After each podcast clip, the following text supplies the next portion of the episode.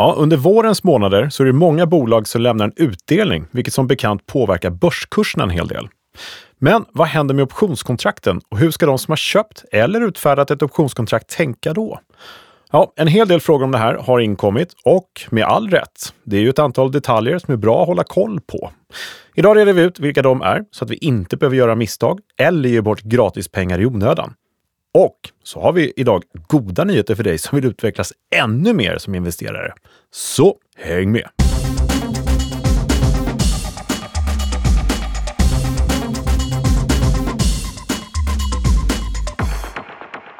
Ja, välkomna tillbaka till Optionspodden. Här i podden ser i kunskaper som ingen privat eller professionell investerare på börsen bör vara utan.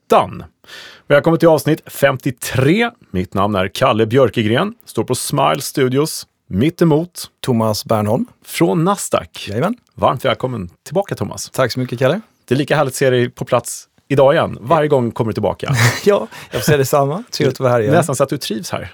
Oh ja, kan man absolut. tycka. Ja, ja, absolut. Ja. Alla gånger. Du är den ständige bisittaren, brukar det stå i sociala medier. Mm, det här stämmer väl. Jag Ja. tror att det här är avsnitt 53 och jag har varit med i 50 avsnitt i alla fall. Så mer eller mindre ständig. Ja, Ja. men bisittare, du står ju. Så, ja, Det är där igen. Ja, nu är vi där ja. i Ja. Göteborgs Hur mår du Kalle? Eh, Jag mår väldigt bra, Mm. eh, tycker jag. Även om det snöar ute idag. Jo, men Eh, alltså, sådär. jag vaknade i morse, då känner jag så nästan Mm. lite vårkänsla och allting. Så kollar man ut och så var det liksom snö, lite oväntat. Ja. Men, ja. Eller i och för sig aprilväder, det kan bjuda på sånt här. Ja, men visst. Jag gillar ju sånt. Jag är lite konstig. Jag tycker Ja. det är lite härligt Ja, utmanande jag när det blir kommer glad snö jag plötsligt. kollar ut på något sätt. Mm. Ja. Eh, Men så är det. Men hör du... eh, Det går ju i alla fall mot varmare tider. Det Ja, vi. det kan man vet säga. Japp. Eh, Det gör det ju. Nästan jämnt var jag tvungen att säga, men det gör det ju inte. det hade varit väldigt varmt i slutändan. Ja, Ja, ja. Hör du, det kommer många frågor om utdelningar så jag här förstår års. det. Eh, och förr var det nästan bara den här tiden på året som utdelningarna kom, våren. Mm. Liksom. Nu Mm. kommer det även på hösten och vissa bolag har till och med fyra Ja, utdelningar. men exakt, det har ändrats lite grann. Ja, Mm. men det är ändå nu det verkar vara. Det är ju nu det, ja, stämmorna går och de stora utdelningarna faller, känns det som. Lite så. Jo, visst. Eh, och det är de här tiden frågorna kommer. Och hur gör vi då med våra optionskontrakt? Va? Ja, det ska väl du hjälpa till att bena ut lite. Jag tänkte jag skulle göra det. Och det kallas väl early exercise Mm, på fackspråk. Precis. Eh, anledningen till att förtidslösa en amerikansk köpoption, ja. Mm. När vi tjänar på det. Och de parametrarna som vi behöver ha koll på då.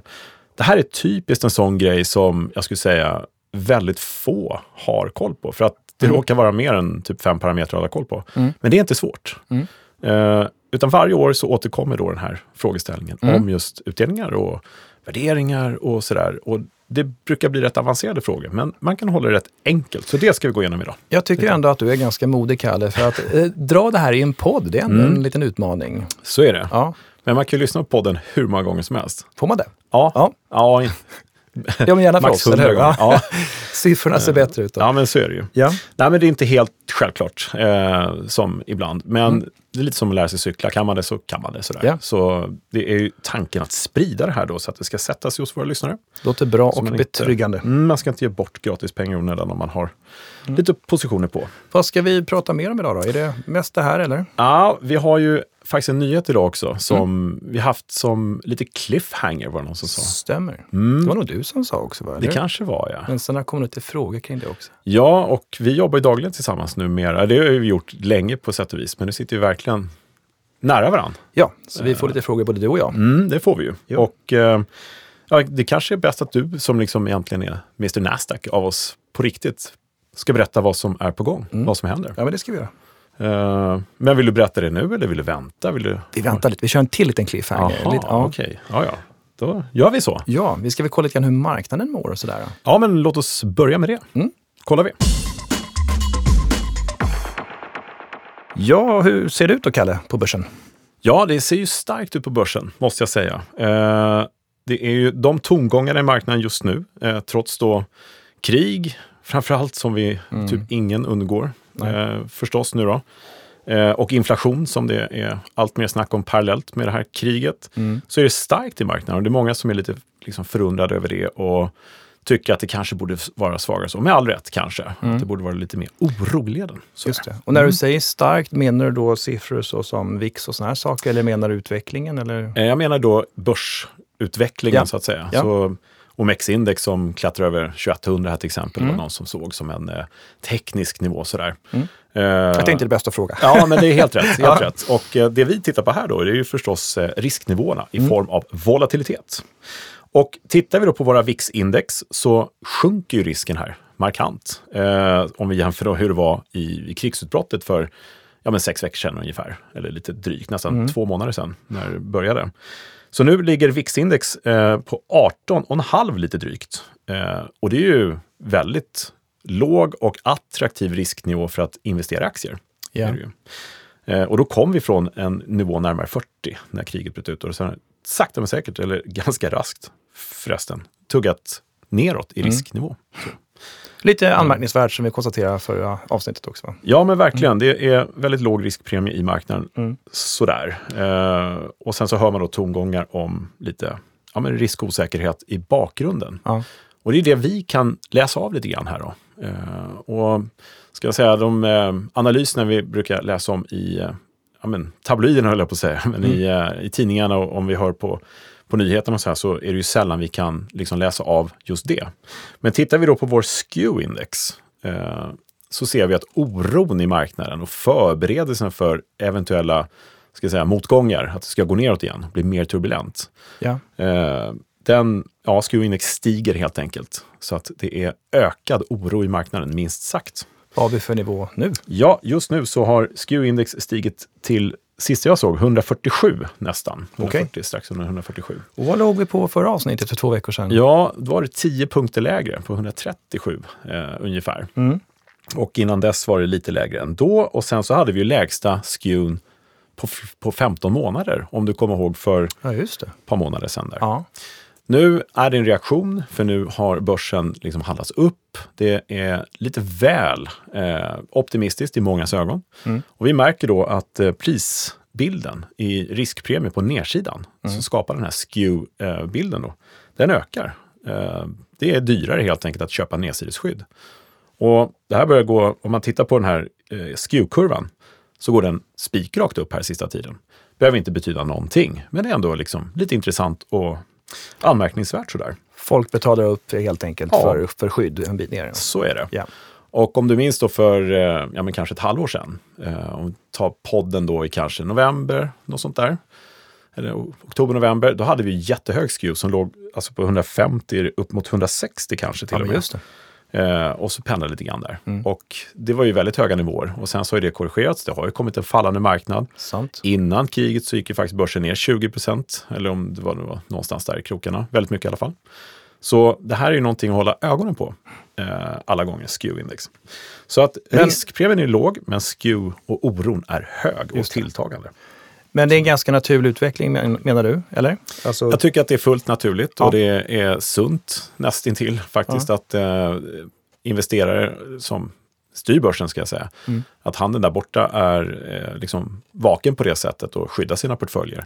Så att det inte finns en... Eh, ja, nu vet man ju inte. Vi vet ju inte vad som händer imorgon. Vi kanske inte har all information som eh, många kanske andra har då. Läge i liksom, ja, med företag och eh, inflation och räntor och placeringar och framförallt hur kriget ska utvecklas. Så. Mm. så eh, nej, men jag tycker att det inte alls är konstigt Nej, faktiskt. inget onormalt. Nej, det tycker jag inte. Jag tror vi missade en sak bara Mm. och det var ju nuvarande VIX-nivåer. Vad sa du, det var 18 drygt? Ja, 18,66 tror jag Ja, sista. det, det sa du. Men ja. jag tänkte på, hur var det för två veckor sedan där? Ja, då var den eh, närmare 25. Ja. Eh, vi ska kolla, det var 23,31. Bra. Och för en månad sedan var det 35 då liksom. Så att det var, ja det har gått neråt ganska markant på VIX-index. Så riskpremien som vi handlar optioner till idag, eh, sådär, är ju at the money. Eh, väldigt attraktiv, sådär. Okej. Och sen så till sist då, som vi brukar prata om också, eh, volatiliteten på själva VIX-index och jämföra med VIX-index i sig självt. Här har man börjat spekulera i ännu mer turbulens också i marknaden. Att man tror att det ska bli mer rörelse på VIX, att det ska bli mer turbulent och att sannolikheten väger över till att VIX ska stiga mer än någonting annat och ganska kraftigt. Okej. Eh, och det kan bli liksom hoppigt där då. Och mer konkret, vad har vi för siffror nu? Ja, och där har vi då en VIC- V-VIX-ratio. V-VIX-VIX-ratio. Eh, där hade vi ju förra gången då 4,76 och eh, gången innan dess 3,65 som lite referens. Men den har nu klättrat upp till närmare 6 faktiskt, till 5,8 är den där nu. Sådär. Och eh, vad säger då det här? Jo, men det brukar indikera, som jag pratade om tidigare, att ju högre den här differensen blir, eller ju högre det här indexet blir, den ration så att säga, desto högre är sannolikheten för en korrigering i en stark aktiemarknad. Eh, och när det kommer me- mellan 6 och 7 här, då finns det någon, ja, någon sorts eh, teknisk grej som säger, som br- brukar prata om eh, i USA, att ja, då blir det nästan självuppfyllande att det ska korrigeras då. Eh, också bra att hålla koll på. Det här är förstås, ingen av de här är ett facit. Vi vet fortfarande inte vad som händer imorgon, men i liksom, kampen om att gissa så bra som möjligt så är det här riktigt bra saker att hålla koll på.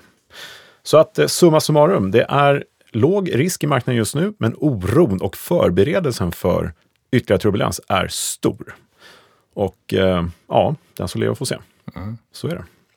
Bra. Eh, och lite snabbt om våra egna papper, index på, på alltså OMXS30-index. Ja, hur ser det ut där? Ja, eh, det går ju förstås hand i handske lite grann med övriga eh, Europa och USA skulle jag säga. Här har vi 19 procent just nu på OMX-index och då släpar det lite grann historiskt där, sista 30 dagarna som ligger nu på 27,7. Så vi har en minus-edge här, så att marknaden har dragit ner risken betydligt då kommande investeringsperiod fram till slutet av april som det här gäller. Eh, för, ja, till 19 procents volatilitet. Så att just nu är det samma läge här. Det är lugnt och fint och det är låg riskpremium. Och ja, tittar man på nedsidan här exakt samma sak. Det finns en förberedelse för att det kan bli lite stökigare framöver. Eh, enskilda papper, eh, ja det finns ju eh, lite olika eh, saker. Evolution Gaming fortfarande väldigt eh, eh, volatil. Vi har ju eh, Hennes och Maurits som är eh, eh, fallit en hel del i riskpremie faktiskt. 30% volatilitet, historiskt 60, så att det är en ganska stor markant skillnad där. Eh, vi har bankerna som har tittat på lite grann, omsatts en del. Vi har en del byggbolag och så vidare som eh, ja, fallit en del också. Så att det är bara att gå in och titta på rapporten på optionsbloggen.se skulle jag säga. Så kan man titta på de papper man är intresserad av. Det jag slås lite grann av det är att det är en negativ edge på i stort sett samtliga. Det är någon som inte har det, men alltså... Precis. Och det beror ju på då att vi har en uppåtgående marknad, en stark marknad just nu. Risken i aktierna som marknaden ser just nu sjunker. Men historiskt så har det ju rört sig ganska mycket. Det har gått både ner och nu upp igen. Så den historiska volatiliteten är fram till idag, 30 dagar bakåt, högre än vad marknaden tror det ska bli framöver. Så att det är helt i sin ordning egentligen eftersom marknaden då är just nu i alla fall ganska stark. Och det här kommer ju kunna ändra sig då om ja, det kommer en lite turbulens eller inför kommande rapportperiod och sådana här saker. Just det, precis. kommer det kunna ändras då. Så att summa summarum, det här är fantastiskt bra att hålla koll på och titta på den implicita vollan och edgen. Eh, speciellt då i de papper man är intresserad av. Bra. Tack men, för det. eh, Ja, men visst. Och när vi kommer till positioner och sånt där så Mm. har vi ett tema för dagen. Täcka lite frågeställningar om Exakt. utdelning av optioner. Ja, Vad sägs om att gå igenom det? Ska vi göra det? det är väl utmärkt. Du ser sugen ut. Ja, absolut. Ja, men då gör vi det. Ja. Jaha, huvudtemat Kalle. Mm. Hur man hanterar optioner vid utdelningar och sådär. Just det. Mm. Och du har fått in frågor sa du. Ja, vi löser det, som jag brukar säga. Vi löser det, precis. Ja. Du löser optionerna också, eller? Exakt så. Ibland. Ibland, ja. Ibland, ja. Och jag ska berätta när. Ja, nej, men det här är en av de eh, ganska vanliga frågor. Eh, det blir lite eh, nästan skräckblandat ibland har jag upplevt när man ska prata optionsvärdering och sen ska man blanda in en utdelning under tiden. Aktien faller ju då motsvarande utdelningen och sådär. Och vad händer med optionsvärderingen, optionskontrakten och så kan det bli lite ja, men svårt att, att få ihop det. Då, så. Men det är inte så svårt. Eh, så jag tänkte vi går igenom då saker och ting här i Bra. lugn och ro. Var Så- börjar vi? Ja, men det finns ju en antal frågeställningar här till att börja med. Eh, har du några frågeställningar? Nej, inte på Nej. rak arm sådär. Utan Nej, men då börjar vi så här. Det finns ju två varianter av optioner. Det är amerikanska och europeiska. De amerikanska är då vanligen aktieoptioner. De kan man lösa när som helst under löptiden. Och europeiska optioner, den varianten är ju då vanligen för indexoptioner. De kan man bara lösa på slutdagen när de går till lösen så att säga. Och det är oftast då kontantavräkning. Och det är ju Så vi bra. fokuserar på de amerikanska här nu. Ja, för de kan man ju faktiskt förtidslösa. Så det här gäller ju då aktieoptioner eh, uteslutande. Så kan vi börja med att konstatera.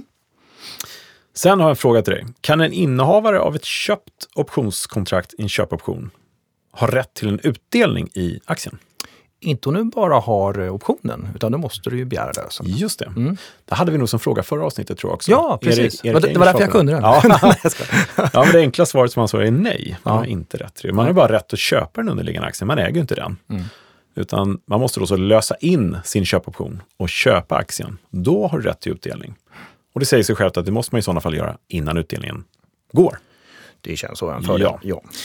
Och sen så undrar jag så här, påverkas optionspriset av utdelningen i den underliggande aktien? Och det enkla svaret där är ja, det gör det ju.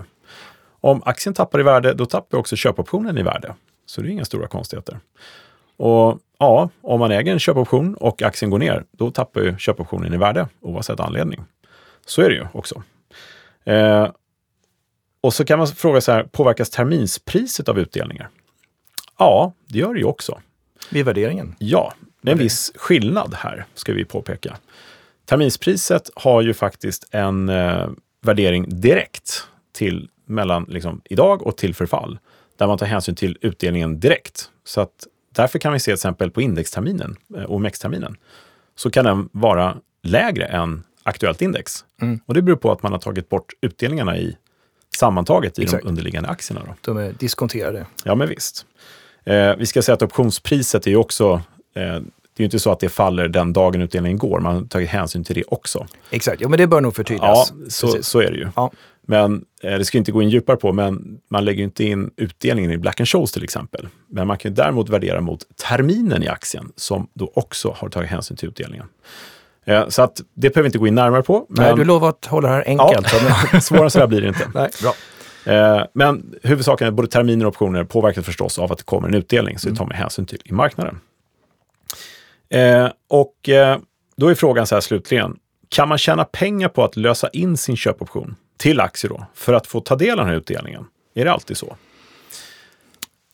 Ja, Ja. och nej. Ja, precis. Eller hur? Ja, ja. men det finns väl, eller finns det några gratispengar? Nej, det finns inga gratispengar. Nej. Det gör det inte. Nej. There's no such thing, Precis. faktiskt. Och vi kan alltså inte ta för givet att det är fördelaktigt att lösa optionerna och erhålla Nej. aktierna. Utan det är det du ska förklara lite grann. Ja. Där, ja precis. Och allting hänger ihop med lösenpris och tid och lite grejer och eh, vad det kostar oss och allt det här ska vi gå igenom alldeles strax. Men det är ju förstås, det finns ju många olika optionskontrakt med olika lösenpriser och sådär. Och vissa ska du ju lösa in enligt regeln. Då. Vissa ska du inte lösa in för att det inte är värt det. Och det ska vi då berätta hur det funkar. Bra. Så då kommer vi till den som jag kallar för strategin, early exercise. Och då är det lite så här, diskuterar du och jag då, är det en strategi? Ja, men ja, man kan kalla det för en strategi tycker jag, eftersom man faktiskt förbereder sig för att agera i marknaden för att eh, säkra att man inte ger bort pengar, att man inte förlorar någonting. Eh, så att man tar del av det man har rätt till, så att säga. Då. Eh, eller det, det har man ju inte förrän man har löst in sin option. Då, Nej. Eller hur? Det.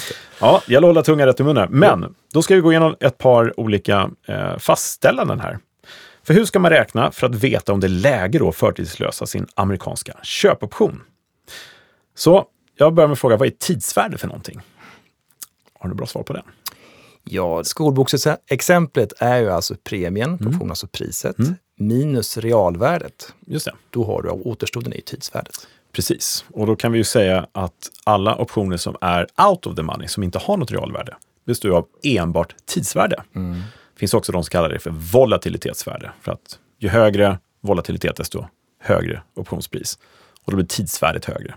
Men det stämmer, det är ett tidsvärde. Och då undrar jag, har calls och puts samma tidsvärde? Det bör de ju ha. Ja, det bör de ha. Fast faktiskt bara i en nollräntemarknad.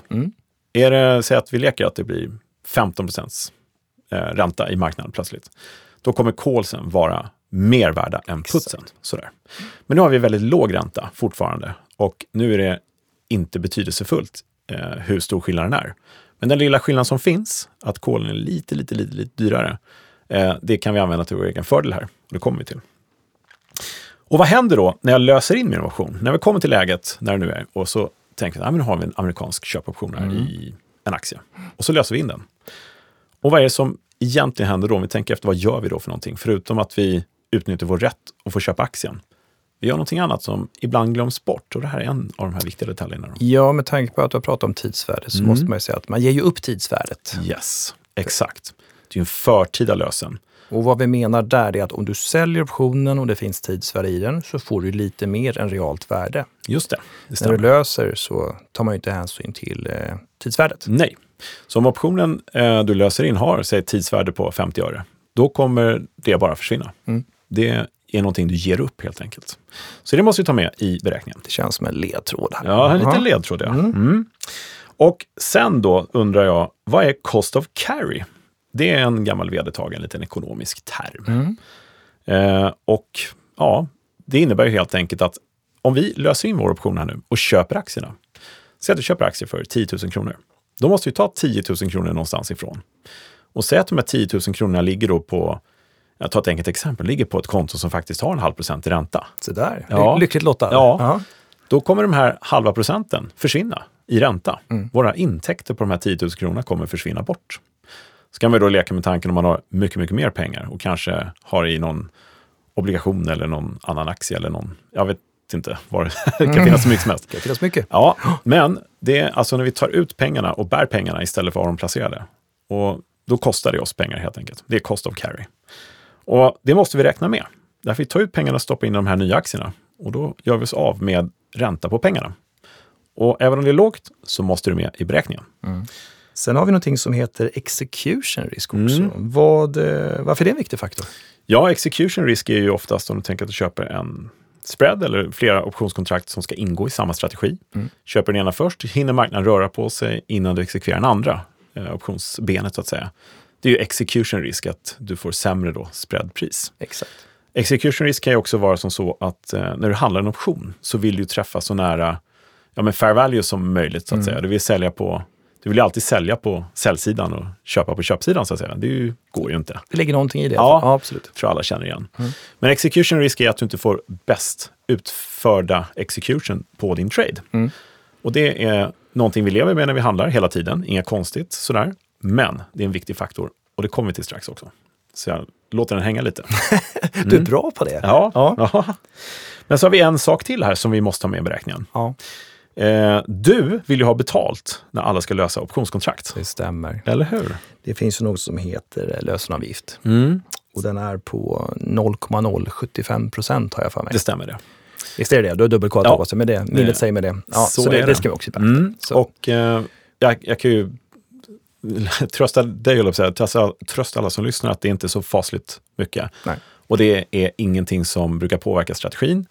Men om det är som så att det blir ett sånt här läge där det verkligen nätrullar om man ska lösa eller inte. Nätrullar, ja. Ja, Mm. Mm. då kan det kanske vara i de större sammanhangen. Oavsett, det är bra att känna till. Så Ja, man men känner, vad var det där för avgift eller Ja, kostnad? men Ja, här tar vi med allt liksom, så det ska med också. En eh, lösenavgift helt enkelt.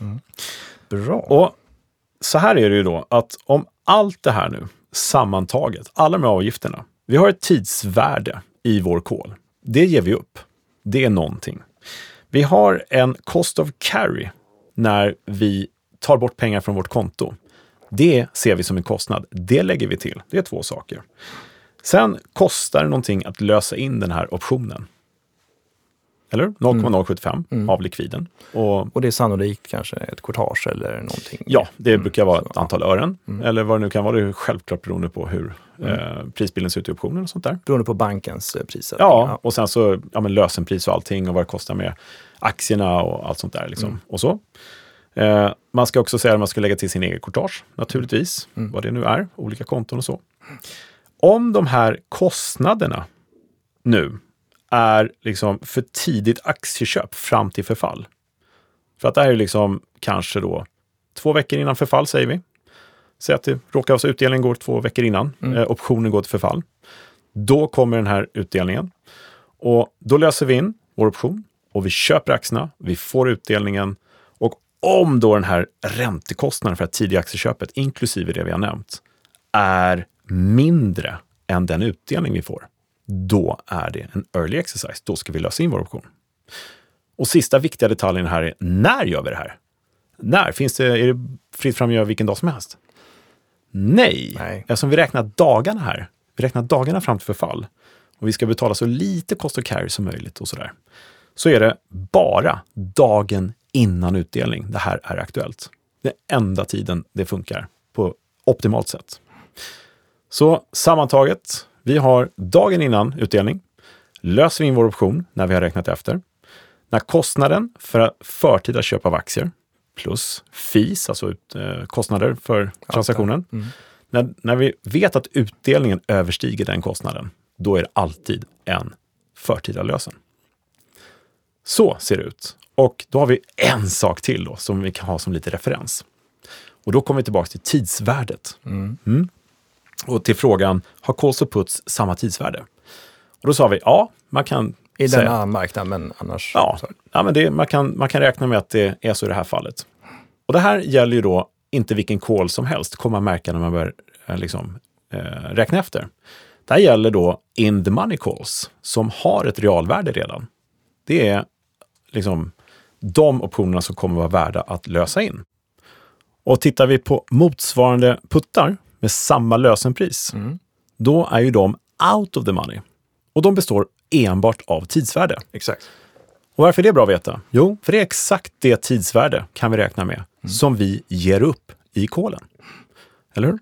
Precis. Så, så det är ju en snabb överblick mm. att se hur mycket tidsvärde. Ja. Och det vi försöker säga här är att om utdelningen som är aktuell i den underliggande aktien är större än priset i putten, är det förmodligen en förtida lösen. Det är the quick fix, det är snabbkollen. Men man ska alltid räkna efter, förstås. Mm. Och det här kan man enkelt göra i Excel, man kan göra en snurra som inte alls är svår. Eh, och det finns på optionsbloggen, tror jag, till och med. .se. Lovar jag för mycket nu? Kanske, annars får man höra av sig. Ja, annars får du skapa en där. Ja, alltså, precis. Du sa att det här skulle vara lätt. Ja, nej, men det, det, är faktiskt inte svårare än så ja. eh, egentligen. Men, men jättebra tumregel här. Ja. ja. Eh, så riktlinje puttens pris. Mm. Eh, och det är typ det första man får lära sig. Jag för mig att sa så, ja, men du kan inte du kolla puttarna och se om det är någon förtida lösen i kol sen? Bara, va? Mm. Snackar de liksom? Eh, och innan man lär sig så kanske det låter lite konstigt. Men om man har koll på de här bitarna, tidsvärdet och kås och puts, samma tidsvärde. Det stämmer inte till 100% men i nollräntemarknad är det så. Mm. Eh, och vi har ju så pass låg ränta. Man kan lägga in det här i en Excel-snurra eh, som sagt och ser man att eh, även en ja, men liten högre ränta är inte så jätte, jättepåverkande. Mm. Eh, och vi vet att vi har en eh, kostnad när vi löser in optionen och vi har en eh, eh, ja, men execution risk, den har vi inte kommit till riktigt än. Men, du lovar att återkomma Ja, mm. den har ingenting med det här förtida lösen att göra än så länge. Den har bara med en tankevurp att göra som ska komma alldeles strax. Mm. Men Får det här kan man alltså räkna på. Ja. ja. jättebra. Jag vill bara flika in där också att det här är alltså om du själv ska lösa innehavda köpoptioner, aktieoptioner. Ja. Men det här som du pratar om, puttens värde, mm. Det är också relevant för att om du har utfärdat calls ja. så har de kommit ganska mycket in the money så är du osäker på, undra om någon kommer begära lösen mm. på de här optionerna. Börjar man se att putten kostar egentligen noll och inget, mm. då är risken ganska hög att du blir löst på dina utfärdade köpoptioner. Ja, så är det ju. Så det, det, är en bra tumregel. Mm. För många, det fick jag, alltså en, jag satt som mäklare förut, det mm. var en vanlig fråga. Tror du att mm. det finns en risk att jag blir löst här? Nej, tidsvärdet är fem kronor fortfarande, ja. så att det, du behöver Nej. inte vara orolig. Exakt. Ja, det är bra att hålla koll på tidsvärdet helt enkelt. Verkligen. Ja. Mm. Men eh, ska vi ta det med execution risk då? Varför ja, men just det. Jag avbröt dig lite grann kanske. Ja, ja. ingen fara. Mm. Nej, men, eh, för att avsluta avrunda den här lilla early exercise-övningen så är det ju som så att eh, vi måste upp en del tankevurpor som kommer. För jag har ju ja, haft det här på föreläsningar, antal, hundra mm. gånger. Och eh, då är en väldigt vanlig fråga så här, ja, men jag säljer min kol istället. Och så istället för att lösa in den, för det kostar ju pengar, då får jag pengar istället genom att jag får en massa premium när jag säljer min kol. Mm. Sen köper jag aktien på börsen och så får jag in extra pengar på köpet och så får jag utdelningen så allting mycket bättre. Mm. Det låter väl bra, eller hur? Varför kan man inte göra så istället för? Då kommer vi till execution risk. Till att börja med, att om man säljer sin kol istället, då kommer man inte få best execution. Det betyder att det realvärde som kolen har, det kommer du inte få till 100 procent. Som om du löser in den, då får du ju faktiskt aktien till lösenpriset, eller hur? Mm. Och ditt realvärde däremellan. Här kommer du få sälja i en spread som faktiskt finns i aktier och, op och optioner. Och då kommer du inte kunna sälja till best execution. När du sen säljer till lösenpriset, ja men då får du ju faktiskt en billigare aktie som ja, realvärdet är ju redan där inbakat så att säga. Du får ju den förtjänsten direkt jämfört med aktiepriset på börsen. Eh, och ja, den execution-risken är ju då ganska betydande. Just det. Så då kommer du alltid göra en sämre affär än om du löser in din option Mm. istället. Då. Så, ja. Har du mer sådana trevliga erfarenheter? Eller trevliga ska jag inte säga. Ja. Intressanta. Och, och, Ja, eh, många säger så här, men puttpriset, strunt i det, vad är det för betydelse? Och ja, det har vi ju gått igenom. Va? Mm. Eh, och det handlar ju om tidsvärdet helt enkelt. Och det reflekterar ju tidsvärdet som motsvarar i kolen i samma lösenpris. Just det. Och eftersom vi vet då att det är det vi ger upp plus liksom en del extra, så har vi ju en referens där. Om utdelning då i, i underliggande aktien är betydande mycket större än puttpriset, eller faktiskt bara lite större ibland, ja, då är det värt att överväga en early exercise. Räkna efter och agera helt enkelt. Så puttpriset är en jättebra referens, så det behöver vi inte strunta i. Det är det alla kollar på. Liksom, man, eh, så här. Jag tror jag kollar på Volvo idag till exempel, som ett exempel. Och där tror jag nästan varenda kol på Ja, på ovanför, alltså som in the money ska jag säga, till och med at the money, är solklara förtida lösen eh, just nu. Och det är även, eh, inte bara apriloptioner, även majoptioner och till och med någon ja, senare månad. Och ju längre fram då, desto större tidsvärde i putten förstås. Och då är det inte riktigt lika självklart längre. Nej, just det. För om du har en jätte, jättelång option, då ger man ju upp ett jättestort tidsvärde. Då är det inte kanske förtjänstfullt längre. Exakt. Men det där är bra insikter. Mm. Ja. Och man kan väl tänka lite grann i termerna put, call, parity där också, eller hur? Ja, just det. Mm. Eh, det är lite det matematiska helt enkelt, hur de hänger ihop utan att det ska Precis. bli arbitrageläge i Just marknaden. det. Så det kan man slå upp och kika Ja. lite på. Det kan man absolut göra. Bra. Något mer exempel du vill ta upp? Ja, men eh, det kanske blir naturligt att säga, ska man förtidslösa en putt någon gång? Och sådär. Och det korta svaret är att ja, i en hög eh, räntemarknad så kan det finnas eh, för längre optionskontrakt som är puttar då, vara läge. Men man kan tänka så här, om man äger en deep in the money put, som är ett med underliggande aktie, då sitter man egentligen med rätten att sälja någonting som ja, genererar pengar. Och de pengarna kan du stoppa in på det här kontot som ger dig ränta eller avkastning. det. Just det. Så att en deep in the money put är ju i teorin alltid en förtida lösen. Eh, Och väldigt deep in the money då? ja, där Delta. kolen då motsvarande är värd noll. Mm. Alltså rätt att sälja väldigt mycket dyrare än på börsen. Så det ska man alltid göra och ta hand om pengarna på ett bättre sätt än Mm. att de bara ligger där. I, alltså osålda så att säga. Det var inga, inga likvider där. Mm. Så eh, om man då tänker sig en lite, ja, inte fullt så deep in the money put, säg en in the money put kanske. Då får man precis som i kolexemplet ta hänsyn till kolens tidsvärde och se hur mycket den är, hur mycket man ger upp i putten när man löser den. Mm. Och den ränta man får på pengarna som man sen får i likviden, ja, det måste förstås överstiga då den här eh, tidsvärdet som man ger Just det. Men det är väl väldigt ovanligt att man löser eh, puttar. Ja, det, jag i jag tror här- nästan aldrig att jag har gjort någonting sådant. Nej, mot kunder eh, det finns ju något exempel för väldigt långa puttkontrakt när Ja. räntan var annorlunda än vad den är Ja. idag. Då. Eh, Väldigt hög förmodligen. Ja. Mm. eh, väldigt hög. På 90-talet var det ju lite annorlunda sådär. Nu pratar vi way back. Ja, Nej, men det är bra. Räntan 8-10 Bra, procent. bra var att känna till. Så att eh, puttar, jag, korta svaret, man behöver inte titta tänka så mycket på det. Nej. Behöver man inte göra. Ja. ja, men det är bra. Toppen, tack. Så, där har vi lite grann om optioner och utdelningar. Ja. Jag tror vi har löst det mesta. det var roligt sagt. Fan, Eh, vi ja. löser för lite, eller? Men in på optionsbloggen och läs mer. Där finns det ett antal artiklar. Man kan söka det på early exercise eller utdelningar. Så kommer det upp ett antal artiklar. Utmärkt. Bara läsa om exakt det vi har sagt nu. Toppen. Bra! Hör du, eh, vi har frågor i podden också. Vi ska hinna med tänkte jag. Just det. Ska vi ta Sen- några sådana eller? Sen lovar jag också att prata lite grann om Nasdaq Derivatives Academy. Din cliffhanger ja. Exakt, Just där kom det. den. Det kanske är så att folk spolar fram bara för att höra din cliffhanger. Ja, då har det hamnat rätt. ja, fast de missar bra info här på Ja, vägen. precis. Det är bara att backa, börja om. Ja, men du tar frågor och din cliffhanger då. Ska Ja, men just göra det. Just det. Ja, då gör vi det. Bra. Jaha, så vanligt Kalle, har du fått in ett gäng frågor antar jag? Det har jag. Några eh, utvalda här som har kommit mer än en gång. Eh, vi tar, hoppar på dem direkt. Eva frågade så här, vilka risker har en covered call?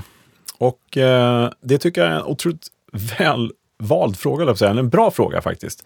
Varför tycker jag det? Jo, därför att i många sammanhang där man eh, pratar om covered call, jag tror de flesta vet vad det är. Vi har en aktie, vi utfärdar en köpoption mot våra aktier, får in en premie och sådär. Eh, och det låter ofta som att ah, det är bara bra, det finns inga risker. Men det är klart att det gör. Och vad är risken? Jo, vi äger ju fortfarande aktien. Den har inte ändrat på sig. Den Nej. ligger på sitt lilla ställe i portföljen, precis som innan. Sen har vi ett annat instrument emot. Men om den här aktien vinstvarnar eller mm. bolaget vinstvarnar eller den går ner kraftigt, då kommer vi förlora pengar precis som tidigare. Vi har ju fått in en premie i vår sålda kol som då kommer förfalla värdelös. Och det är ett litet plåster kanske på det såret. Men mm. risken ligger fortfarande i aktien. Exakt. Det korta svaret. Sen finns det vissa som hävdar att det finns en risk på uppsidan, men det har vi pratat om tidigare mm. också i en avsnitt. Där är snarare en alternativkostnad, för du gör eh, ju en vinst mm. på aktierna och du får din premie. Så, ja. så, att en risk på uppsidan är nog fel uttryck, det är snarare alternativkostnad. Klokt. Exakt så. Mm. Och alternativkostnad är egentligen bara definitionen på vad du kunde ha tjänat. Ja, exakt. När du har tagit på en sån position. Du gick lite miste om lite ja. pengar. Ja, precis. Så att eh, det är risken i Covered Call, Eva. Mm. Och jag vet att många faktiskt klurat lite på den också. Mm. Så i all enkelhet så har vi svar på den nu. Just det. Eh, Anton, ja, eh, mm. han frågar någonting som kommer till oss då och då. Hur tänker ni som proffs innan en optionsaffär på börsen? Mm. Och den är ju ganska bred sådär. Mm. Eh, men ja, det finns ju egentligen inget bra svar på den. Sådär. För proffs, om man sitter med en derivatbok på en tradingdesk och är market maker, Eh, då arbetar man på ett extremt speciellt sätt. Helt annat. Eh, och det går ju inte att jämföra med privatsparande eller investeringar så, utan man sitter och försöker släcka bränder för risk så att säga och försöker mm. tjäna pengar på det. Eh, samtidigt om man sitter med en tradinglåda så har man ju oftast flöden in-house som det heter, med massvis med affärer som kunder har, som man använder sig av och man hanterar och sådär. Men jag skulle kunna säga så här att det finns ju, eh, fick jag lära mig i USA, det här finns fem ord som en trader säger innan alla affärer. Fem ord. Och vad är det? Det är följande. Hur mycket kan jag förlora? Mm. Och det låter lite klyschigt kanske, lite så här, men det är faktiskt väldigt bra. Eh, det i, skulle jag säga, som alla det kan vara privata som blir professionella i sin förvaltning också. Vad har de gemensamt? Jo, dels den frågeställningen, hur mycket kan jag förlora på det här? Det är egentligen det enda som är intressant.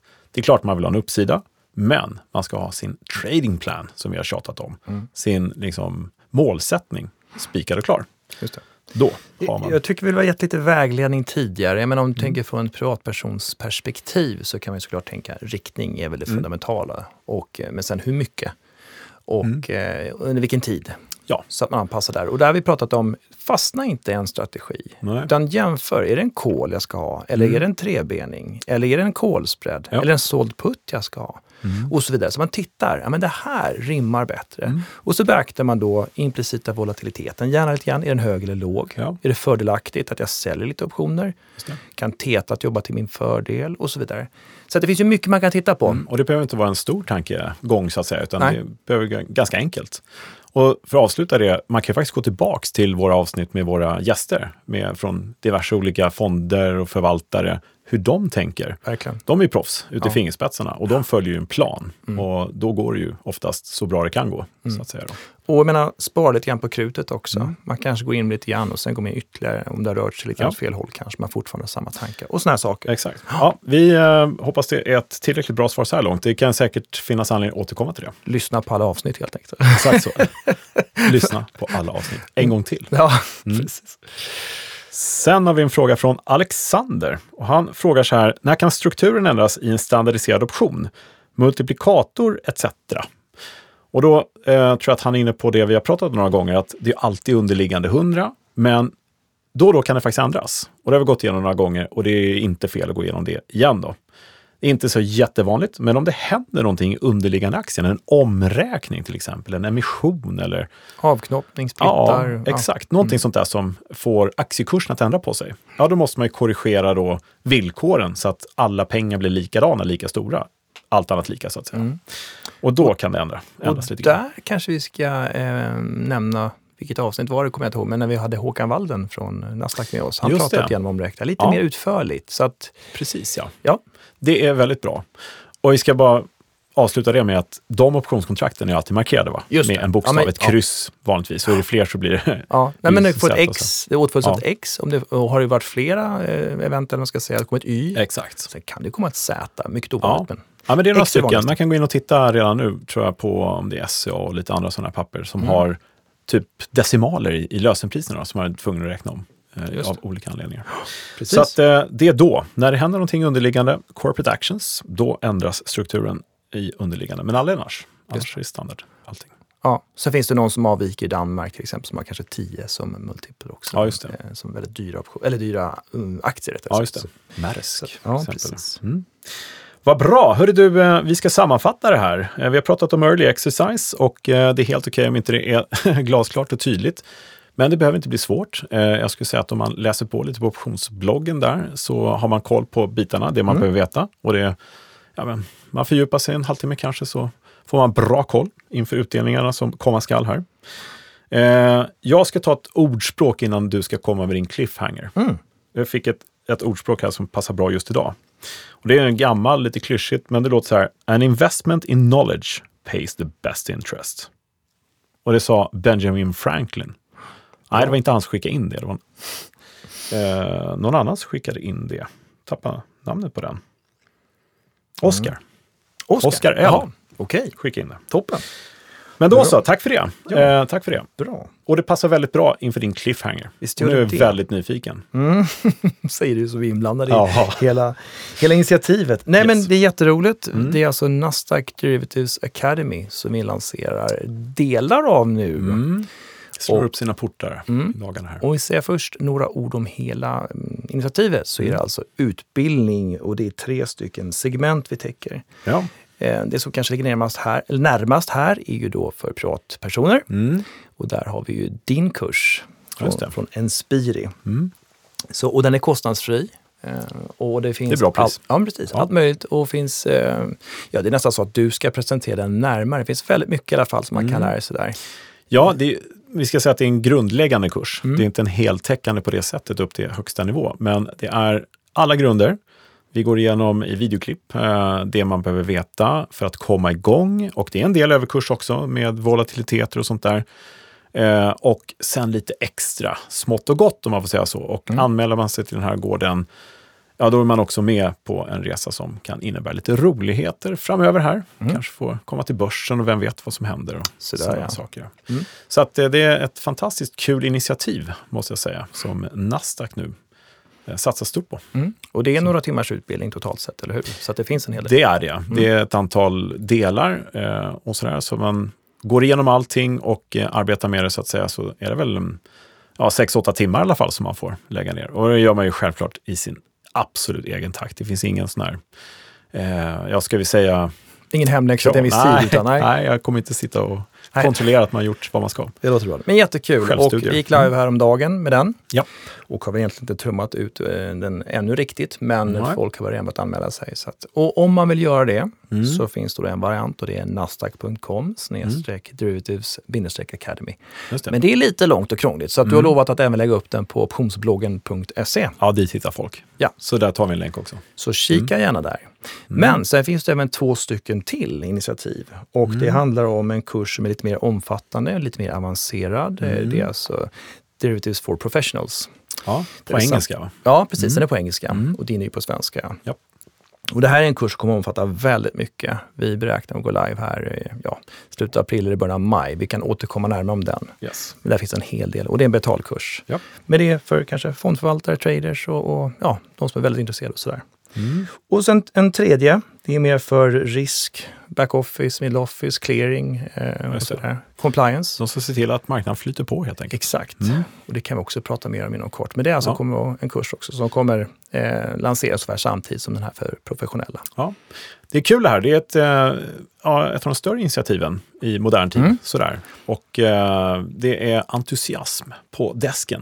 Om jag får vittna lite om hur Det är superkul. Och det snacket går. Mm. tas emot väldigt väl från, från banker och andra investerare och sådär. Ja. Och någonting som man känner att det är väldigt positivt och Yes. välbehövligt. Ja. Så ja, men håll utkik efter det. Vi lägger ut på optionsbloggen som sagt. Mm. Och kan man gå in och läsa mer där och framförallt anmäla sig om man känner för det. Men det är väl Precis. ja, aldrig fel. Få extra kunskaper eller komplettera lite grann. Och sådär. Exakt. Är det inte. Men vi kommer Ja. ja. uppdatera mer framöver här Vi också. återkommer Det gör om vi. det. Mm.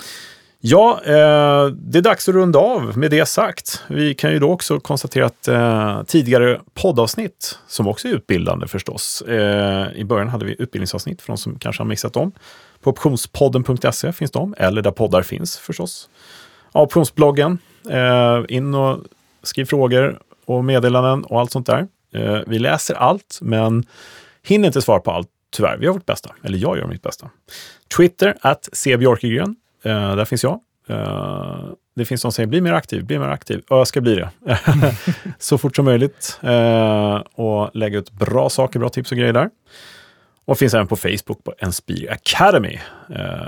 Så får vi se vad som händer där också. Så det är mycket kul på gång för de som vill bli, ja, vidareutveckla sig själva i sina investeringskunskaper. Helt enkelt. Med det sagt, slut för idag. Tack för idag. Tack så mycket. Jag ser redan fram emot nästa gång och ja. då har vi en spännande gäst också. Det har vi. Ja. Ha det så fint. Ja, du, detsamma. Tack. Tack. Hej. Tjena.